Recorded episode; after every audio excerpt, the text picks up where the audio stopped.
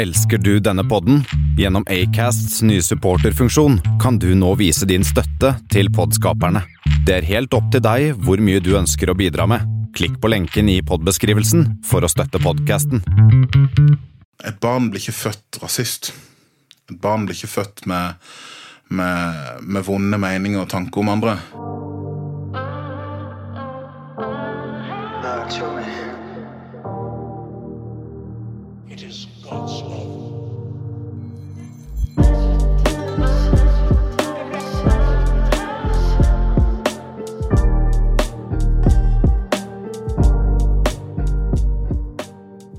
dag har jeg besøk av en av Sørlandets mest spennende artister om dagen, syns jeg. Og det er nemlig R&B- og rappartisten, om jeg får lov til å si det, da. Det er Tommy Vito fra Mandal. Du, Utrolig utrolig koselig å få lov til å komme. Det, det syns jeg. Ja, At du får lov å være min Forsøkskanin, det syns jeg er det, Du stiller opp. Alltid drømt om å være en pilot. Du, hva det går, Tommy? Hvordan, eh, hva er status i Tommy Vito sitt liv? Status er prøve å lage musikk, prøve å være aktiv og, og, eh, og gjøre det som gjør meg glad. da. Um, jobbe så mye jeg kan om dagen med, med det jeg brenner for, og det er å lage musikk. Ja, for, du, eh, for de som ikke helt kjenner til deg, så har du òg Du har jo vært eh, del av en eh, gruppe tidligere som het eh, Gatelykt. Riktig. Eh, Og eh, dere eh, Det er ikke en gruppe nå lenger, sånn som jeg har forstått det. Nei, det er det ikke. Og dere har eh, Dere har gitt ut en del låter eh, under Gatelykt. Eh, Sånn som jeg har sett at dere har annet gitt ut en EP. Dere har den 24-7, som kom i 2015. Dere har en eh, EP som kom ut i 2017. Hva het den for noe? Den blå timen. Ja, stemmer det. Det var jo en låt der med Damon som jeg husker eh, utmerket seg litt spesielt for meg, i hvert fall. da. Riktig. Hva, hva skjedde med Gatelykt, og hva skjedde med at dere ga ut en EP som eh, jeg syns virket veldig lovende og spennende, liksom, i og med at dere kom fra Mandal, der det ikke Det vokser ikke akkurat på trær, det med rappere derfra. Nei, det kan du trygt si. Altså, Gatelykt for meg var et, et hjertebarnprosjekt. Det var meg og en kamerat som uh, Først og fremst så, så, så tørte ikke jeg å lage musikk før. Jeg tørte ikke å, å uttrykke meg sjøl på, på mikrofon. Jeg var redd for uh, egentlig å, å, å lage noe sjøl. Um, så var det en kamerat av meg, da, eh, Stian Hatletveit, som, som var en aktiv rapper for Mandal. Han tok kontakt og spurte om ikke, om ikke jeg kunne komme ned en dag og, og leke litt med beats, og vi hadde litt moro. Vi lagde noen sanger sammen, og så fant vi ut at eh, hvorfor, hvorfor skal vi ikke bare lage ei gruppe? Og for meg på det tidspunktet der så var jo det stort å, å få lov til å kunne bli med i ei gruppe, eller ha en etablert rapper som syntes jeg var god nok til å være, med på det. Det hjalp meg veldig mye med, med selvtilliten.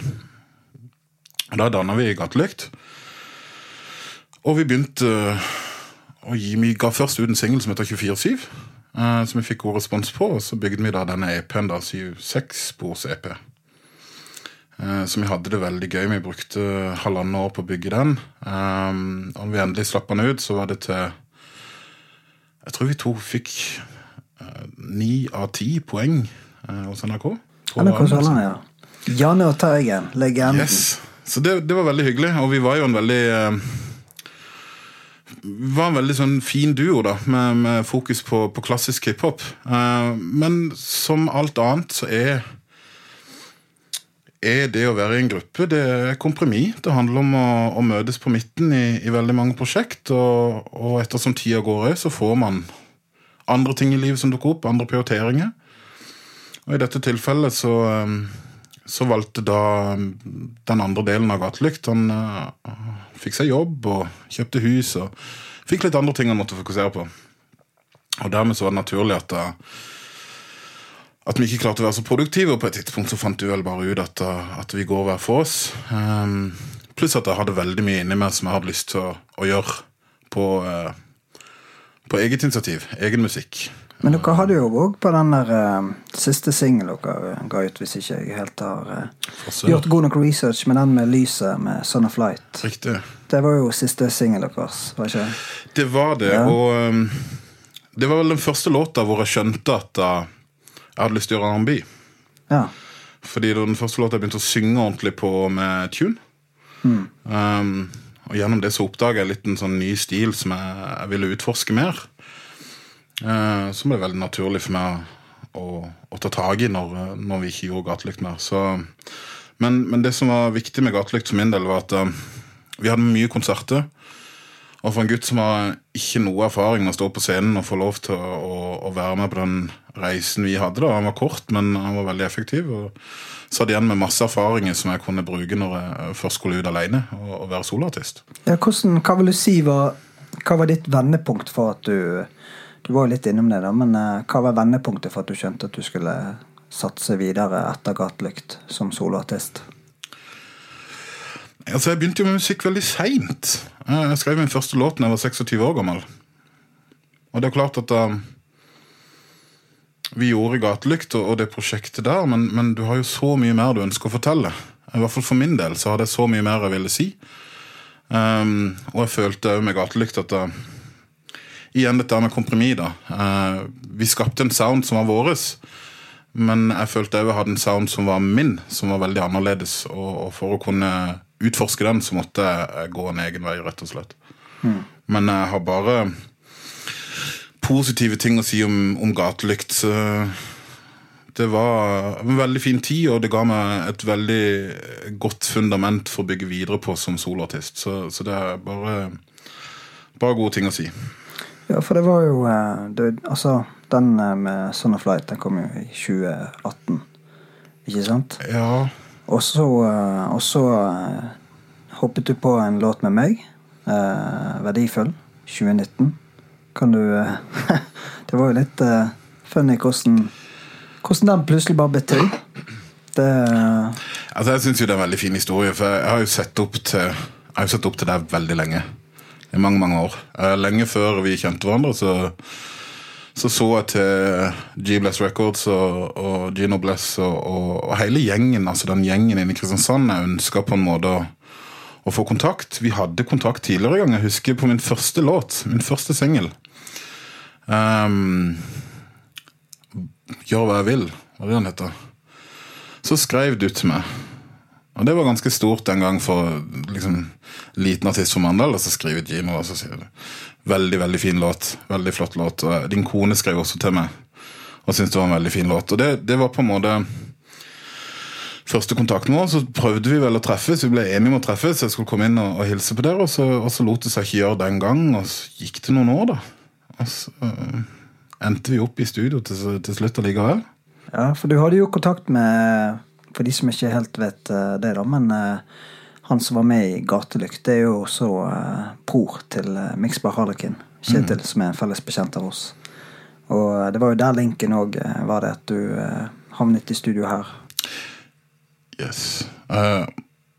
altså, det første jeg gjorde, var at jeg var heldig nok um, for når du kommer som artist fra et lite sted, så er det veldig lett å, å um, egentlig forsvinner litt. Fordi at man har ikke den supporten eller det miljøet rundt seg da, til å kunne uh, finne en vei inn. Um, men så hadde jeg da en, uh, en kid i Mandal, en gutt som, som heter Guardian Skuland. Uh, 18 år på det tidspunktet som snakket om han hadde lyst til å begynne å lage beats. Og, um, Big Up Guardian. Big Up Guardian, ja. Skamfødt produsent. Um, og en kunne høre, for han, han, viste meg de første beatsene han lagde. Uh, og allerede da, De to første beatsene han lagde, viste han til meg. Allerede da så hørte jeg at ok, her er det noe som matcher den sounden jeg har lyst til å ha. Um, så vi begynte å jobbe sammen og ble enige om at ok, la oss, uh, la oss ha et prosjekt sammen hvor vi ser hva vi kan få til. Um, vi gikk i studio, og, og han lagde noen loops. Um, hvor den ene var veldig sånn rolig og fin. Og vi endte opp med å lage en sang som het Lenger. Mm. Uh, som også ble min første solosingel. Mm. Og den sendte jo jeg til Kjetil, miks by Harlekin. Stemmer. Så han kunne mikse på den. Utrolig flink fyr på, på miks og master. Det der, altså det skal han ha. Uh, skikkelig arbeidsjern. Og Da tror jeg han sendte den til deg. For å høre litt om hva du syns om den miksen han hadde lagd. Og så syns du både miksen var bra, og jeg tror du også syns sangen var bra. For uh, Han ringte i hvert fall og så sa han at du Gina Bless har lyst til å ha den i studio.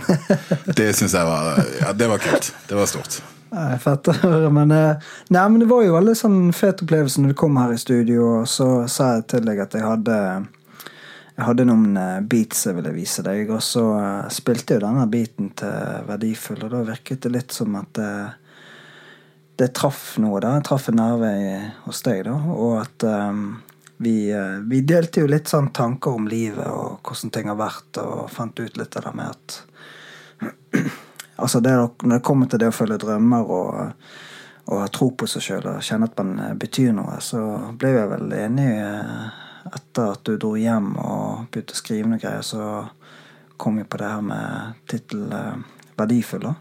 Stemmer ikke det litt? Og så kom tilbake inn her noen dager seinere og spilte inn eh, skamfette vers og refreng. og Jo um, Den kvelden der var litt sånn Den er jo veldig sånn betydningsfull for meg, den første kvelden jeg var inne her og med deg. Fordi at da, da var jeg ganske tappa for selvtillit. Jeg hadde ikke, jeg hadde ikke mye selvtillit som artist og musiker, og ikke som person heller, egentlig. Um, just mista gruppa mi. ikke sant? En skal prøve å stå på egne bein. En, en har ikke helt igjen Jeg lagde jo ikke min første sang før jeg var 26, og det, det går på det at en, en mangler tro på seg sjøl. En tør på en måte ikke å være den en egentlig er. En, en, eh, en på en måte gjemmer det vekk for å heller fremstå som den du tror andre ønsker at du skal være.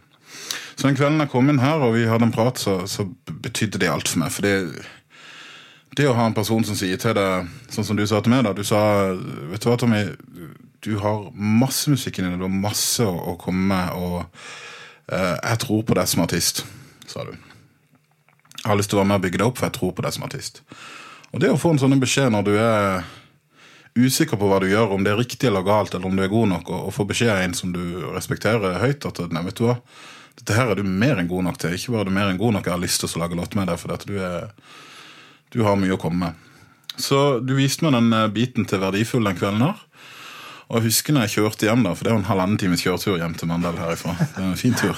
Det er ikke Bergen, altså, men det, det er faktisk Arendal. Ja. Det er ikke så ille, da. Ille nok. Men, eh, men jeg kjørte hjemover den kvelden, og um, husker jeg hørte på beaten i, i bilen, i instrumentalen, altså ble jeg veldig emosjonell. Um, det var noe med han som, som snakka til meg, og, og jeg har jo eh, barn. Um, og da kom det uttrykket 'verdifull' til meg. At du, du er verdifull akkurat sånn som du er. Um, og tekster ble sånn opprinnelig skrevet til min datter og hennes venninner, som er elleve år gammel i dag, som um, er veldig påvirka av sosiale medier. ikke sant? De har um, TikTok. TikTok, ikke minst, men de har så mange idoler de ser opp til. Som, som um, Noen av de er kjempebra, og noen av de er kanskje ikke fullt så sunne. Um, for de å, å forholde seg til. og og ofte så får en et press i forhold til kroppen, får et press i forhold til personlighet og, og, hva, en, og hva en driver med å gjøre. Og da vil jeg bare si til, til de at uh, du er verdifull akkurat sånn som du er.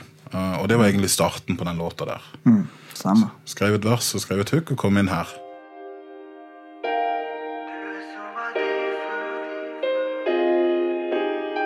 En som tåre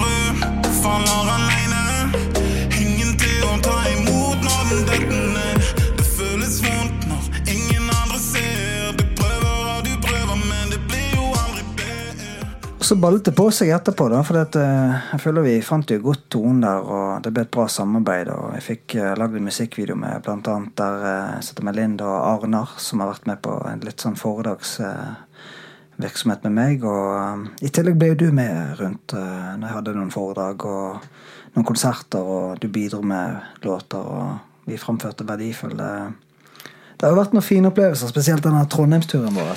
Trondheimsturen, ja. Ja, den var gull. Um, Den var fet. så er det noe med også um, Det er noe med å gi ut en låt sånn som verdifull, og, og, og gå på de turene som vi dro rundt på da, og treffe ungdommer. Eh, Det som markerte seg veldig for min del, var jo det altså, påvirkningskraften du hadde gjennom ditt foredrag på, på mange av disse ungdommene. Det å være med og se på det. Um, det være med og synge verdifull og se inn i, i øynene til, til små barn og, og se at det ga de noe, det, det var veldig givende. Eh, og jeg husker etter den Trondheimsturen der, så eh, så kom jeg hjem med veldig mye motivasjon til å, å, å fortsette med, med det vi hadde begynt på. For du har jo jeg vil jo si, du har jo virkelig tatt tak, og du har jo gjort mye allerede. altså I forhold til det med din solosatsing, så har du nå eh, helt siden 2019 sant? Du ga ut to singler da. Du hadde 'Aske', du hadde 'Lenger', og nå i 2020 så har du òg eh, ja, to låter spesielt som har utmerket seg eh, litt ekstra, syns jeg. da. Blant annet 'Coffee', i forhold til det med rasisme og sånt. Også, og ikke minst den med 'Lang tid' eh, for, med featuring Unge Beirut. Men av de låtene du har gitt ut nå, da, hvilken av de eh, føler du betyr ekstra mye for deg? Vanskelig å komme unna Kofi da, altså. Det er jo en låt som eh, for det første var veldig usikker på om jeg skulle gjøre. Ja, hva, men hva ligger hva er historien bak eh, Coffee? Kan du eh, fortelle disse her potensielle nye lytterne mine hva, det, hva den dreier seg om? Coffee er jo en låt om eh, min opplevelse med rasisme når jeg vokste opp. Jeg vokste opp på en liten plass som heter Vigeland. Um, og i mitt kull så var jeg den eneste eh, mørke gutten. Um, jeg tror i hele kommunen så var vi to mørke gutter. Uh, meg og en til som var ett år eldre enn meg. Og vi, vi strevde mye med det. Vi strevde mye med, med hudfargen vår under oppveksten. Og, og måtte altså, Fikk mye, mye pes, mye mobbing fra andre. Uh, I mange år så bærte han litt nag til, til Vigeland da, og, og hvor han vokste opp. Um, og det er jo litt sånn Med sanger så har man jo lyst til å snakke om det som, som har påvirka eller betyr mest for deg. Og den perioden i livet mitt var veldig tungt, og det var veldig godt å få uttrykke det i en låt som Coffee, hvor jeg valgte å skrive om slengbemerkningen som jeg har fått.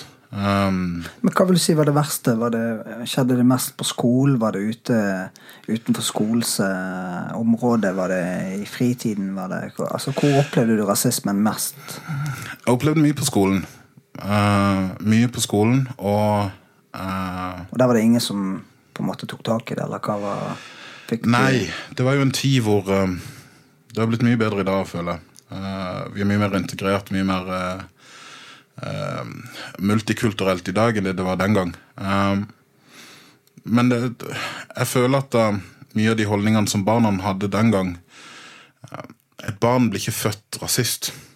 Et barn blir ikke født med, med, med vonde meninger og tanker om andre.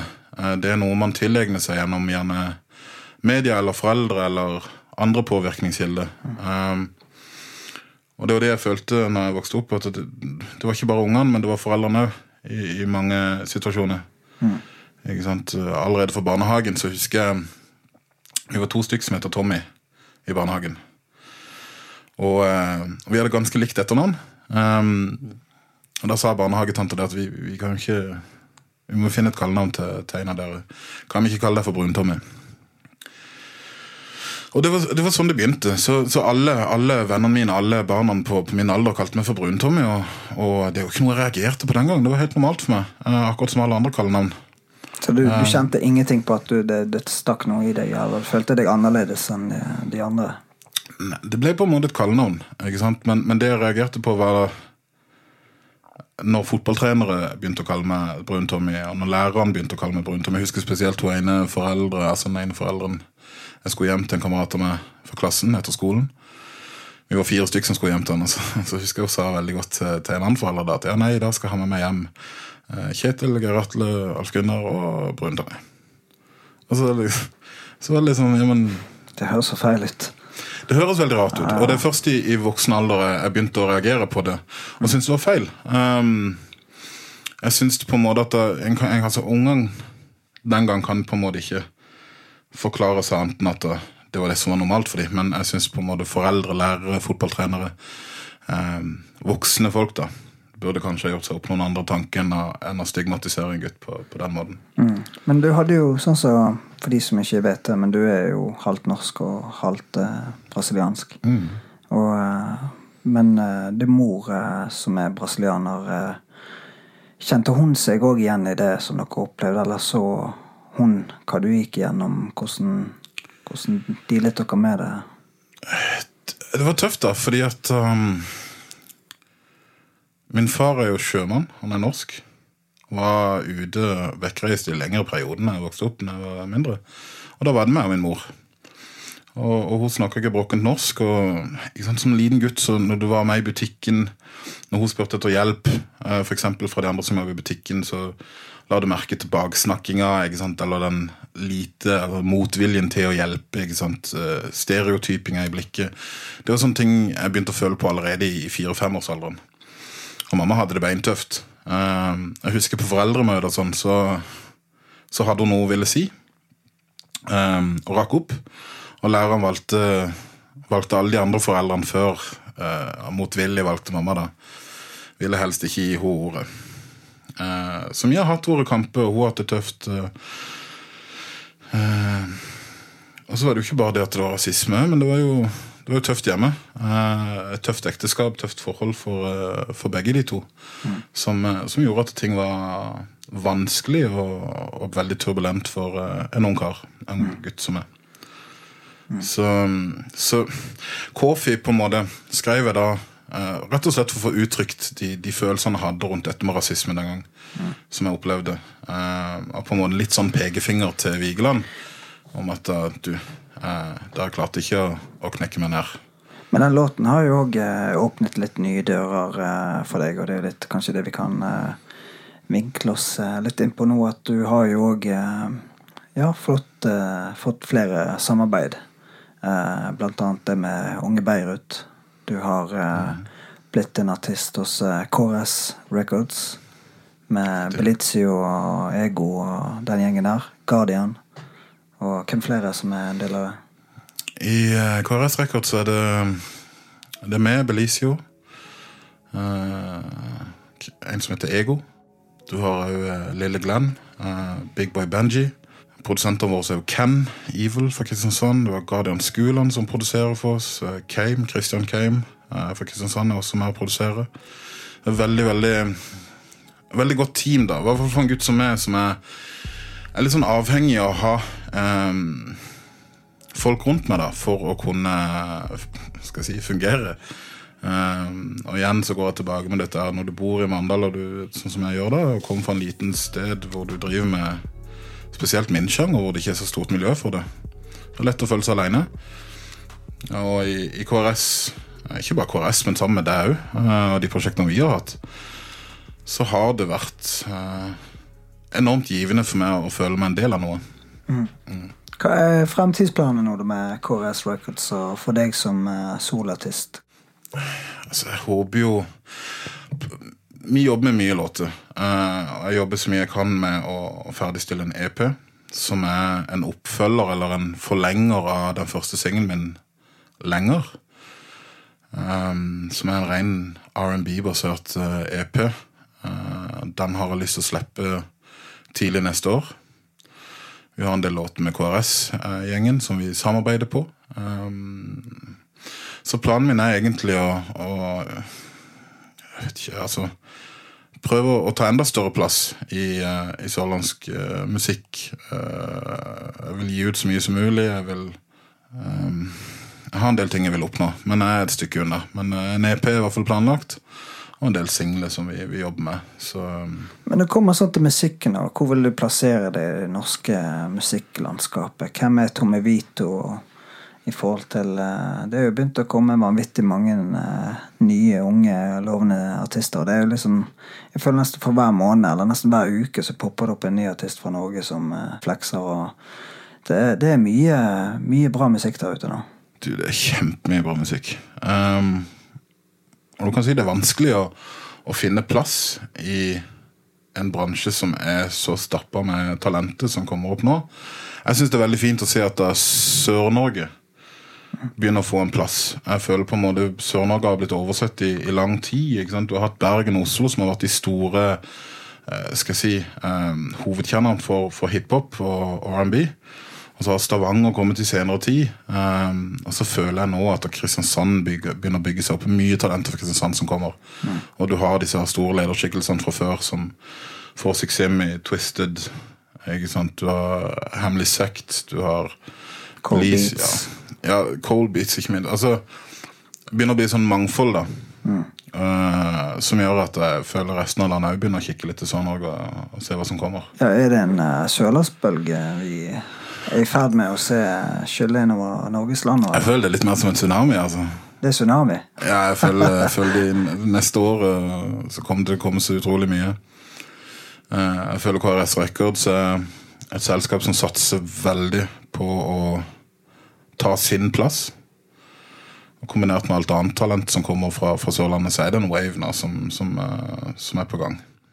Så, men hva inspirerer deg til å Når du skriver, på hvilken måte skriver du låtene dine? Er du en sånn fyr som kan bare gå inn i hva som helst studio med masse folk, og så klarer du å skrive? Eller er du den type som må lukke igjen døren og sette deg inn på et eget rom og skrive? Hvordan funker det for deg, Tommy? Du, hadde ønska at jeg var en sånn artist som bare kunne gå inn i studio og bare utfolde seg 100% men jeg, det varierer litt, da. Det kommer litt an på, på stemninga. Ofte så, så, er vi i studio, og så lager vi en låt der og da som, som eh, bare føles riktig. Andre ganger så må jeg ta med meg prosjektet hjem. altså Sitte for meg sjøl. Jeg er jo en følsom person. Så jeg baserer mye av tekstene mine og sangene mine på på følelser som jeg har. Det gjør jo egentlig alle artister, men, men det er klart at jeg, for min del så, så liker jeg på en måte å finne de følelsene ofte når jeg sitter for meg sjøl. Altså. Jeg gjør det. Er det der eh, låter som 'Lenger' og 'Coffee' ble til, f.eks.? Verdifull, 'Coffee', 'Lenger', eh, 'En sky'. Så, og Jeg prøver jo å blande R&B og hiphop. Jeg, jeg ønsker ikke å på en måte si at jeg er en rappartist. Jeg ønsker ikke å si at jeg er en R&B-artist. Jeg ønsker på en måte å, å, være begge deler. Jeg føler jeg har eh, gaven til å både synge og rappe. Og så kanskje det ene bedre enn det andre. Men, eh, men, jeg føler jeg er god nok på begge fronter til å kunne gjøre begge typer eh, låter. Og, og prøve på en måte å gjøre det som føles riktig der og da. Så det betyr at du, du er ikke så opphengt at en beat må liksom ikke bare være trap. eller Det kan være liksom, det må være en nerve i beaten som treffer deg, da. Som gjør at du kan da gå og lukke den der døren og sette deg inn og chille på sofaen og tømme følelsene. Absolutt. Altså, Så lenge beaten driver, uh, så har det ikke så mye å si for meg uh, hva slags type beat det er. Så lenge jeg klarer å høre meg sjøl på den. og det er jo litt sånn at når du hører en beat eller når du hører en låt, så får du en følelse fra det. Det gjør du jo når du setter på en låt på Spotify. òg. at Den gjør deg glad, eller den gjør deg gira. eller den På lik måte er det som en, for meg som artist når jeg kommer inn i studio og hører en beat. Så er det sånn Å, den girer meg opp. Når jeg kjenner at det kribler, eller jeg hører meg sjøl på, på, låta, så, så, vet jeg at det er riktig. Når jeg driver og leter etter melodier og jobber med låta over lengre tid, så er det ikke riktig. altså. Nei, så den EP-en du jobber med nå, da, hva type beats og Får vi noen eh, spennende futures der, eller hvordan, eh, hvordan ligger det an i prosessen, Tommy? Du, Den EP-en blir det ikke futures på. så Jeg har en del eh, planlagte futures, men um, den EP-en er Altså, det er jo sånn, Folk, folk må snakke om, om, det de har erfaring med. Um, det er viktig å være ekte i, i, i, det du ønsker å fremlegge. og For min del så har jeg jeg er heldig å ha et suksessfullt uh, forhold til min fru. Vi har vært sammen i, i uh, snart 17 år. Preach. Det er ganske lenge. Og det er klart I løpet av 17 år så har du mange oppturer og nærturer um, som par, og man, man, blir satt på mange prøver. Uh, og det var veldig naturlig for meg å snakke om det. Så den EP-en jeg har lagd, er jo på en måte Han heter 'Tillit til rade'. Og en EP hvor jeg ønsker på en måte å illustrere alt fra du treffer din kjære første gang, altså forelskelsesstadiet, det å bli glad i noen, det å elske noen, til å bli sint på dem, det å bli frustrert over dem, til at det der diskuterer, til at det til slutt ikke fungerer lenger. Altså Hele den prosessen der er jo noe som alle mennesker opplever i sin hverdag med sine kjære. Og, eh, og derfor så lagde eller prøver vi nå å lage en, en EP uh, som beskriver på en måte hele den reisen da som et forhold gjerne går gjennom. Så, så, jeg gleder meg veldig til å vise den. er veldig ærlig. Eh, Guardian står for hele produksjonen. Som han gjør på det meste jeg gjør. Han er jo en utrolig talentfull gutt. Jeg tror ikke Norge er klar over den plassen han kom til å ta som produsent etter hvert. Men han har produsert hele EP-en, og, den er veldig ærlig. Hva tenker fruen om det? da? Har hun hørt disse låtene, eller har de turt å vise dem? Hun har hørt låtene. Uh, Hva sier hun? Får du tommel opp? Ja, jeg får tommel opp. Um, på et tidspunkt så spurte hun, for at vi lagde nok Jeg begynte med at jeg hadde lyst til å lage um, breakup-songs, rett og slett. Fordi at jeg følte det var så mange artister som snakka om uh, alt det fine i et forhold. og Lett å skrive om. Men det er jo like relevant for folk uh, når man har det tungt og det er tøft i forholdet. Jeg hadde lyst til å fokusere på det i begynnelsen. Så da lagde jeg et par låter, så viste jeg det til henne, og så spurte hun meg du, det er veldig fin låter, Tommy, men, eh, men eh, hva, hva, er det noe galt? Siden du bare skriver slå opp. så, så, så da bestemte jeg meg for at nei, det er ikke, det er ikke noe galt, vennen min. Det kommer sanger til det òg, og, og derfor, der kom eh, En sky, blant annet, som var eh, min tredje singel. Det er jo en låt som er direkte til, til fruen, og som er jo en del av den EP-en. Um, så, så, så jeg bare forklarte det til at det, det handler ikke om å slå opp. eller det, det handler på en måte om Hver eneste låt som jeg har på den EP-en der, handler om en viss tidsepoke i vårt forhold. Så det, det trenger ikke være krise i forholdet. Altså. Nei, det er ikke krise. Det er veldig, veldig fint. altså. Så det er trygt for henne nå at uh, den her kommer ut. Jeg tror jeg er veldig stolt av meg. Altså, igjen um, Etter 17 år så man, har man en uh, En trygghet i hverandre som er, tar tid å finne, altså. Eh, hun er den største støttespilleren min.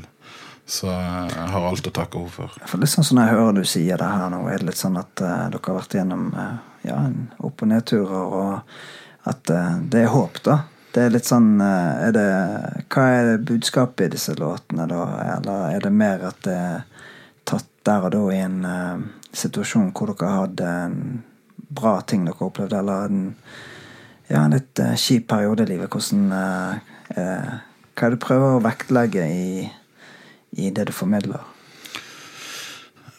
Prøver å, å vektlegge den følelsen du føler på i det spesifikke tidspunktet. ikke sant? Mm. Sånn som lenger handla om en periode hvor vi holdt på å gå fra hverandre. Hvor ikke jeg orka å høre på henne. Altså, hun, eh, hun vi, vi, vi, var, vi hadde stor distanse mellom hverandre. eh, hvor hun prøvde å korte den ned så mye som mulig med å, å ta initiativ, men jeg var ikke interessert. Jeg orka ikke å, å forholde meg til det. Jeg var egentlig ferdig med forholdet. Eh, derav den teksten at jeg eh, jeg er ikke interessert, som jeg sier i lenger flere ganger. Jeg er ikke interessert, og du kan egentlig gjøre som du vil. Så, så det var en spesifikk tid. ikke sant? Um, til i som er en låt som, som uh, jeg håper folk får høre snart, eh, beskriver et annet, uh, en annen tidsepoke. ikke sant? I forholdet hvor vi eh, Hvor jeg tok feil. Hvor jeg sa noe som var dumt. og skapte stor splid mellom oss. Og så må jeg jobbe for å fikse det igjen. ikke sant?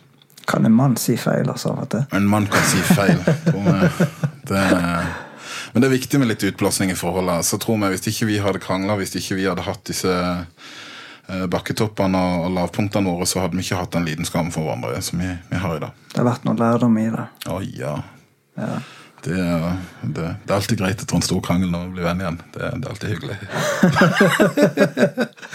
Så da kommer det noen uh, happy uh, tracks nå framover, eller noen uh, godlåter med litt good vibes. Ja. jeg har jo en, en, noen låter jeg har lagd som er Det er good vibes-låter, men jeg er litt usikker på dem. Men det, det liksom, jeg må finne meg sjøl som artist. Jeg har ennå ikke funnet meg 100 og, og tryggheten i seg sjøl til å kunne lage noe og stå for det. Eh, så, men, men låter kommer det, det er det ingen tvil om. Du snakker om det der med trygghet og finne seg sjøl, det er jo en ting som tar tid, da.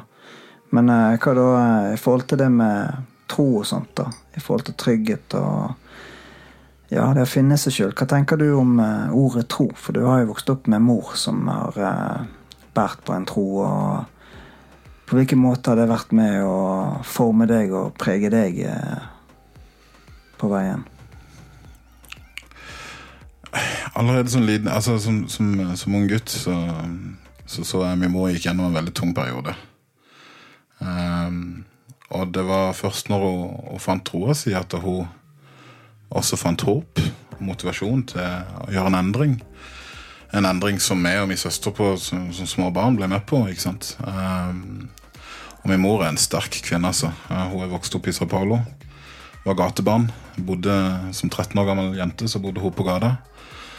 Um, I Rio, eh, blant annet. ikke sant? Og, og måtte kjempe en kamp som jeg ikke tror noen av oss kan forestille oss åssen er. Klarte å komme seg til Norge, fikse en familie lagde to barn. ikke sant? Og så er det klart at ekteskapet var tøft. Um, og hun var langt nede, og så finner hun da Gud. Hun finner sin tro og tar med ungene sine på en reise som gjør at uh, vi også blir med på den troa. ikke uh, eh, til Brasil som ung gutt. Kom ned der og var med og bygde opp kirke. Um, og der òg så ser jeg jo får et veldig sterkt inntrykk av hva tro er for noe. Og hva det er for, for folk som har det veldig tungt. På hvilken måte eh, traff eller møtte du denne troen? Er det troen på Gud? Det, på hvilken måte vil du definere dette? Det er spesifikt ett moment for meg. Jeg pleier ikke å snakke så mye om det egentlig. Eh, men eh, vi var i ei kirke i Brasil. Jeg var elleve år gammel. En fullsatt kirke. Eh, de er litt større enn en noen av de menighetene på Sørlandet, for å si det sånn. eh, når det er midt i Sao Paulo. Men det er mye folk. Um, og jeg husker jeg sitter helt framme. Um, og det de da skal utføre, som ikke jeg visste om, er at de skal utføre en eksorsisme. Uh, og hva det betydde for meg som elleve år gammel Jeg visste jo ikke hva det var. Uh, men uh, det som skjer, er at det kommer en del prester inn, og så bærer det inn en, en mann som eh, Altså, Jeg vet ikke helt hvordan jeg skal forklare det, men han, han var helt vekke. Han var helt eh, gal, rett og slett. Vrei seg. De var flere menn på han, eh, fem-seks stykker, som, som måtte holde han nede. Familien hans var i kirka. Um, og de bærer han fram til alteret. Uh, han skriker, og øynene ruller. Uh, helt kaotisk. Og da husker jeg at de, de holdt han nede fire stykk, mens, eh, mens to prester da eh, sto over han og, og leste da en eh, skal jeg si, en, et ordstykke, en salme, da. Eh, og før jeg visste ordet av det, så kollapsa denne personen da helt. Og det var ikke det som gjorde inntrykk på meg, for det var på en måte Det er mye sprø folk i Brasil. Men det som jeg la merke til, var når han eh, reiste seg opp igjen. Eh, så så han på sin mor, eh, og mora kikket tilbake på han. Og de hadde ikke sett hverandre på veldig veldig lang tid. Det var akkurat som det var akkurat som han hadde vært vekkreist i mange år og så blitt gjenforent med sin mor. eller noe sånt, for det, Måten de holdt rundt hverandre på når hun så at han var tilbake igjen på en måte seg sjøl, så, så omfavna hun han, og han omfavna hun. Det var bare veldig sterkt, egentlig. Og da sitter du med Du, du får noen tanker som barn, da. Ikke sant? Og, og det er klart i ettertid av det òg så har det vært hendelser som har gjort at en eh, en har tro. En har tro på noe mer enn en, eh, bare seg sjøl og oss på jorden. En har tro på at det fins noe større. Uh, Og er det liksom bare plankekjør det hele tiden? At troen er bare topp ti hele tiden? Du føler at uh, nå Gud, du er der hele tiden, eller hvordan kjenner du det på f.eks. nå som vi har vært gjennom det her, eller vært gjennom nå som vi er midt i en uh, pandemi, og uh, ting skjer, sant. Altså, du har jo du vil jo nå satse på foredrag, og du prøver å bygge en musikkatalog, komme seg ut og spille, og så går ikke ting helt sånn som man ønsker. Hva tenker du om uh, den situasjonen, den pandemien vi er i nå, og liksom du har ambisjoner og drømmer, og, og så går ikke alt helt etter planen. Uh, kjenner du at troen din er like sterk, eller blir du på en måte litt prøvet i ja, både troen på Gud og troen på deg sjøl? Det er jo en prøvelse, det er jo ingen tvil. Um, for min del så, så, så har jeg Jeg vil jo si at jeg er et veldig sårbart individ. Jeg har veldig lett for å, å, å danne onde tanker om meg sjøl, vonde tanker om meg sjøl. og da er det lett å føle at du står alene i det. At det er ingen som er, er med det. Um, og i mitt liv så har jeg gjort mange feil. Og det har vært mange moment i mitt liv hvor jeg har følt at det, det er ikke noe Gud med meg, i hvert fall. Og det er ikke noe poeng å tro, fordi at uh, uansett hvor mye jeg tror, så havner alltid på bunnen uansett, så hva er vitsen? Hva... Det spørsmålet har jeg stilt mange ganger, men så dukker det opp situasjonen, da. Det, det kommer hendelser som gjør at du tenker ja, men Ok, kanskje det er noen som passer på meg allikevel.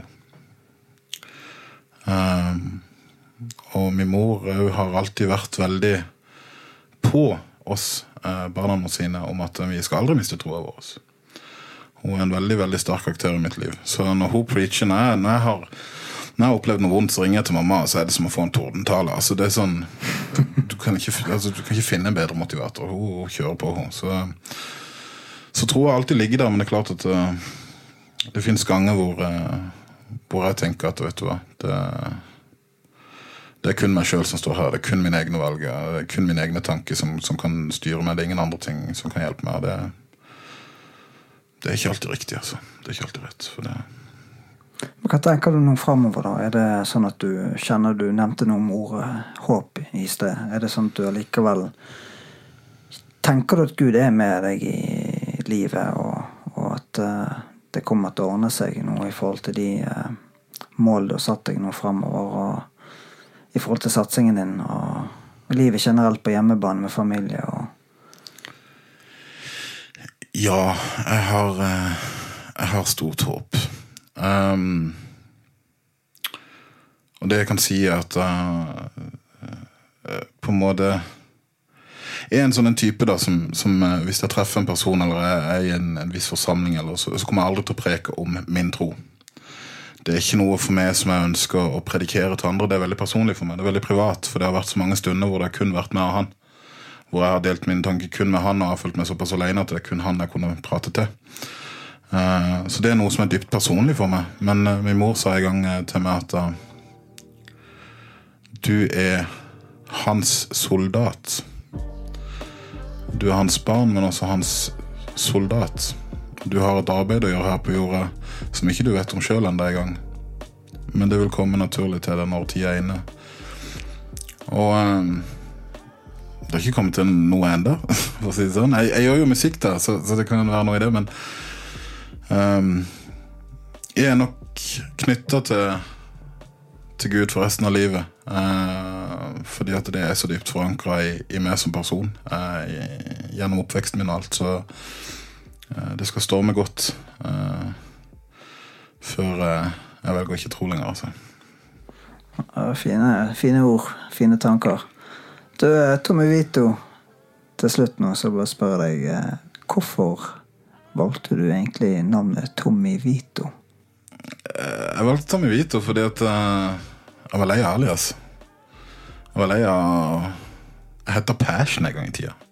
Passion. Passion! Tenk deg det. Jeg heter Passion, og så heter jeg Blessed. Og så heter jeg Pops. Oi. Og Pops var et navn eh, før, Rett før Gatelykt så lagde jeg noen låter. Da kalte jeg meg Pops. Eh, jeg fant navnet mens jeg spiste sjokoladen. Så så jeg på posen og tenkte ja, vet du hva. Eh, så, men Tommy Vito Jeg heter Tommy Vitor. Så jeg var så sneidig å kutte r-en. Og poppe den litt opp. Det er jo litt eksotisk med Tommy Vito. Ja, så tenker jeg jo det er et navn jeg kan stå for. Det er mitt navn. Eh, all respekt for alle andre sine navn, men, men jeg vil hete Tommy Vito, og min bestefar heter Vitor. En, eh, en helt som ikke er blant oss lenger, men han eh, og politimann. Beskytta rike familier i Brasil og, og ble dessverre skutt under et innbrudd. Eh, han rakk også å skyte tre av de før han ble skutt sjøl. Det er derfor han er helt. Eh, Og derfor er det viktig for meg å ha Vito. Altså. Min sønn heter Vitor. eh, Prins Milas Vitor. Eh, Så, så det er mye, Jeg er en veldig stolt brasilianer. Ekstremt stolt brasilianer. Det kan jeg ikke beskrive nok. Jeg skal være stolt av deg sjøl òg. Jeg er stolt av meg sjøl, men jeg er stolt av å være jeg er stolt av å være den jeg er, og, og, og med hudfargen min. Og Stolt brasilianer. Så det er er viktig Det er verdifullt, Tommy Tommy. Ja, jo, takk. I like måte. I like måte. Tommy Tommy, til slutt. Hvis du eh, kan gi en liten oppmuntring til de der ute, hvis det er noen som har det akkurat nå, ganske så kjipt, hva ville du sagt til de da? Jeg ville sagt at du er kapabel til så veldig mye mer enn det du tror. Um, det har vært så mange ganger i mitt liv hvor jeg har trodd jeg ikke kan noe, og så kan jeg det og vel så det. Ha tro på deg sjøl og ha tro på det du gjør, og ha tro på at du er god nok, og at du er kapabel til å være god nok, og mer enn god nok. Det er viktig. Det er veldig klisjéaktig å si, men det er så viktig. Jeg merka jo sjøl da hva det gjorde for meg når jeg begynte å tro på meg sjøl. Så tro på deg sjøl. og tro at du kan gjøre noe. Hvis, hvis det er noe du har lyst til å gjøre, hvis det er noe du føler eller du brenner for, så gjør det. Den største sjansen, eller den største risikoen du kan ta i livet, er å ikke risikere noen ting.